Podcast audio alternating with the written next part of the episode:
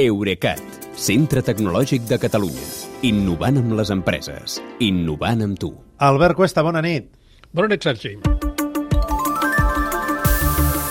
El nostre tecnòleg de capçalera avui hem dit, li hem de preguntar la seva anàlisi, el seu parer sobre dues de les notícies tecnològiques del dia.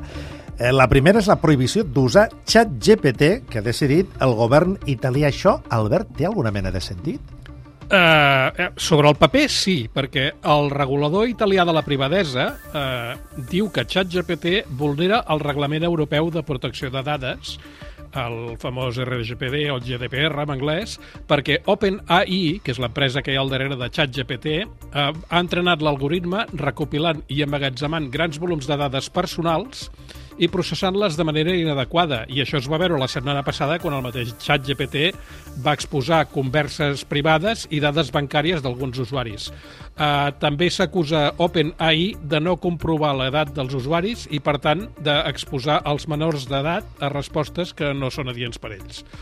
Uh, Ara bé, jo com a ciutadà europeu em demano per què només han intervingut les autoritats italianes i no ho han fet directament des de Brussel·les. Bona pregunta. Per, perquè si ChatGPT vulnera el, el GDPR, ho fa per tothom, no només pels italians. I que consti que no estic reclamant que Madrid, París i Berlín facin un... Jo també, i segueixin l'exemple de Roma. Només constato que tenim una Unió Europea poc àgil. Uh -huh.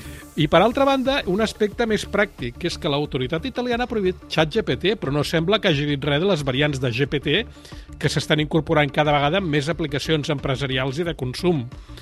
Per exemple, Salesforce o Slack o Snapchat ja et permeten dialogar amb elles fent servir precisament ChatGPT, un producte d'OpenAI, per no parlar de la versió de ChatGPT que hi ha dins del cercador Bing de Microsoft i que aviat tindran també les seves aplicacions d'Office com Word, Excel, PowerPoint i Outlook. Uh, tot plegat, uh, deixa'm fer de tertulià cunyat, un, demostra que, que, que és molt difícil posar portes al camp, és un, difícil restringir algunes coses, i d'això fins i tot se n'ha donat algun dels mil signants d'aquell manifest internacional que explicàvem l'altre dia, que reclama una moratòria mm. amb l'entrenament d'algoritmes generatius avançats i que ja se n'estan desmarcant. Sí, i la segona notícia del dia, destacada, és l'anunci de Twitter eh, de publicar el seu algoritme algoritme en règim de codi obert. Sí, l'autèntica notícia és que Elon Musk està fent els deures. Sí, sí, perquè també, divendres passat eh, fa tot una setmana, per, eh, eh, li retreiem que havia, estava incomplint unes quantes promeses i des del cap de setmana no han parat d'arribar novetats que, previstes, com els privilegis de visibilitat pels usuaris de pagament i les tarifes detallades per les aplicacions externes que vulguin, vulguin accedir a les dades de la plataforma Twitter.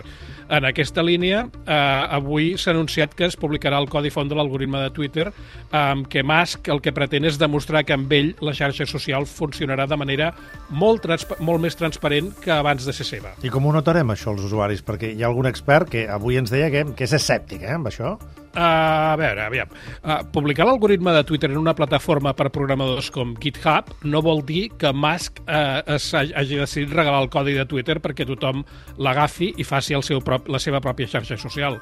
El que es publica és estrictament l'algoritme de recomanació que decideix quins tuits apareixen a la, a la pestanya aquesta per a tu, que uh -huh. va sortir uh, fa uns mesos a la cronologia de cada usuari, i suposadament es fa per demostrar que Twitter no té els biaixos polítics de que sovint se l'acusa eh, tant en un sentit com en un altre. Uh, però això no vol dir que qualsevol pugui, a partir d'ara, modificar la manera com Twitter funciona, uh, perquè tu pots mirar-te l'algoritme, provar d'entendre'l, si tens sort, perquè l'empresa no hi queda gaire gent que pugui ajudar-te, i amb, els millor, amb el millor dels casos podries arribar a programar pel teu compte una xarxa social nova i aprofitar l'algoritme de recomanació de Twitter modificant-lo segons el que vulguis que faci la teva nova xarxa social, però és que el valor de Twitter són els centenars de milions d'usuaris que encara hi som i les relacions de seguiment que mantenim entre nosaltres i això no es pot replicar d'un dia per l'altre com ha demostrat, com està demostrant Mastodon. No? Uh -huh. uh, en tot cas, uh, i disculpa si em repeteixo, uh, torno a dir el que dic sempre, que és que l'algoritme de Twitter només és important pels usuaris que es conformen en veure els tuits que Twitter vol i que precisament és la, la font principal de crispació perquè et posa eh, tuits bàsicament que et fan interactuar.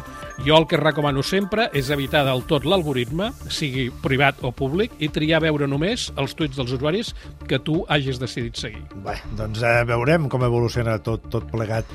Albert Cuesta, com sempre, gràcies, bona nit i bon cap de setmana. Bon cap de setmana, Sergi. Fins dilluns.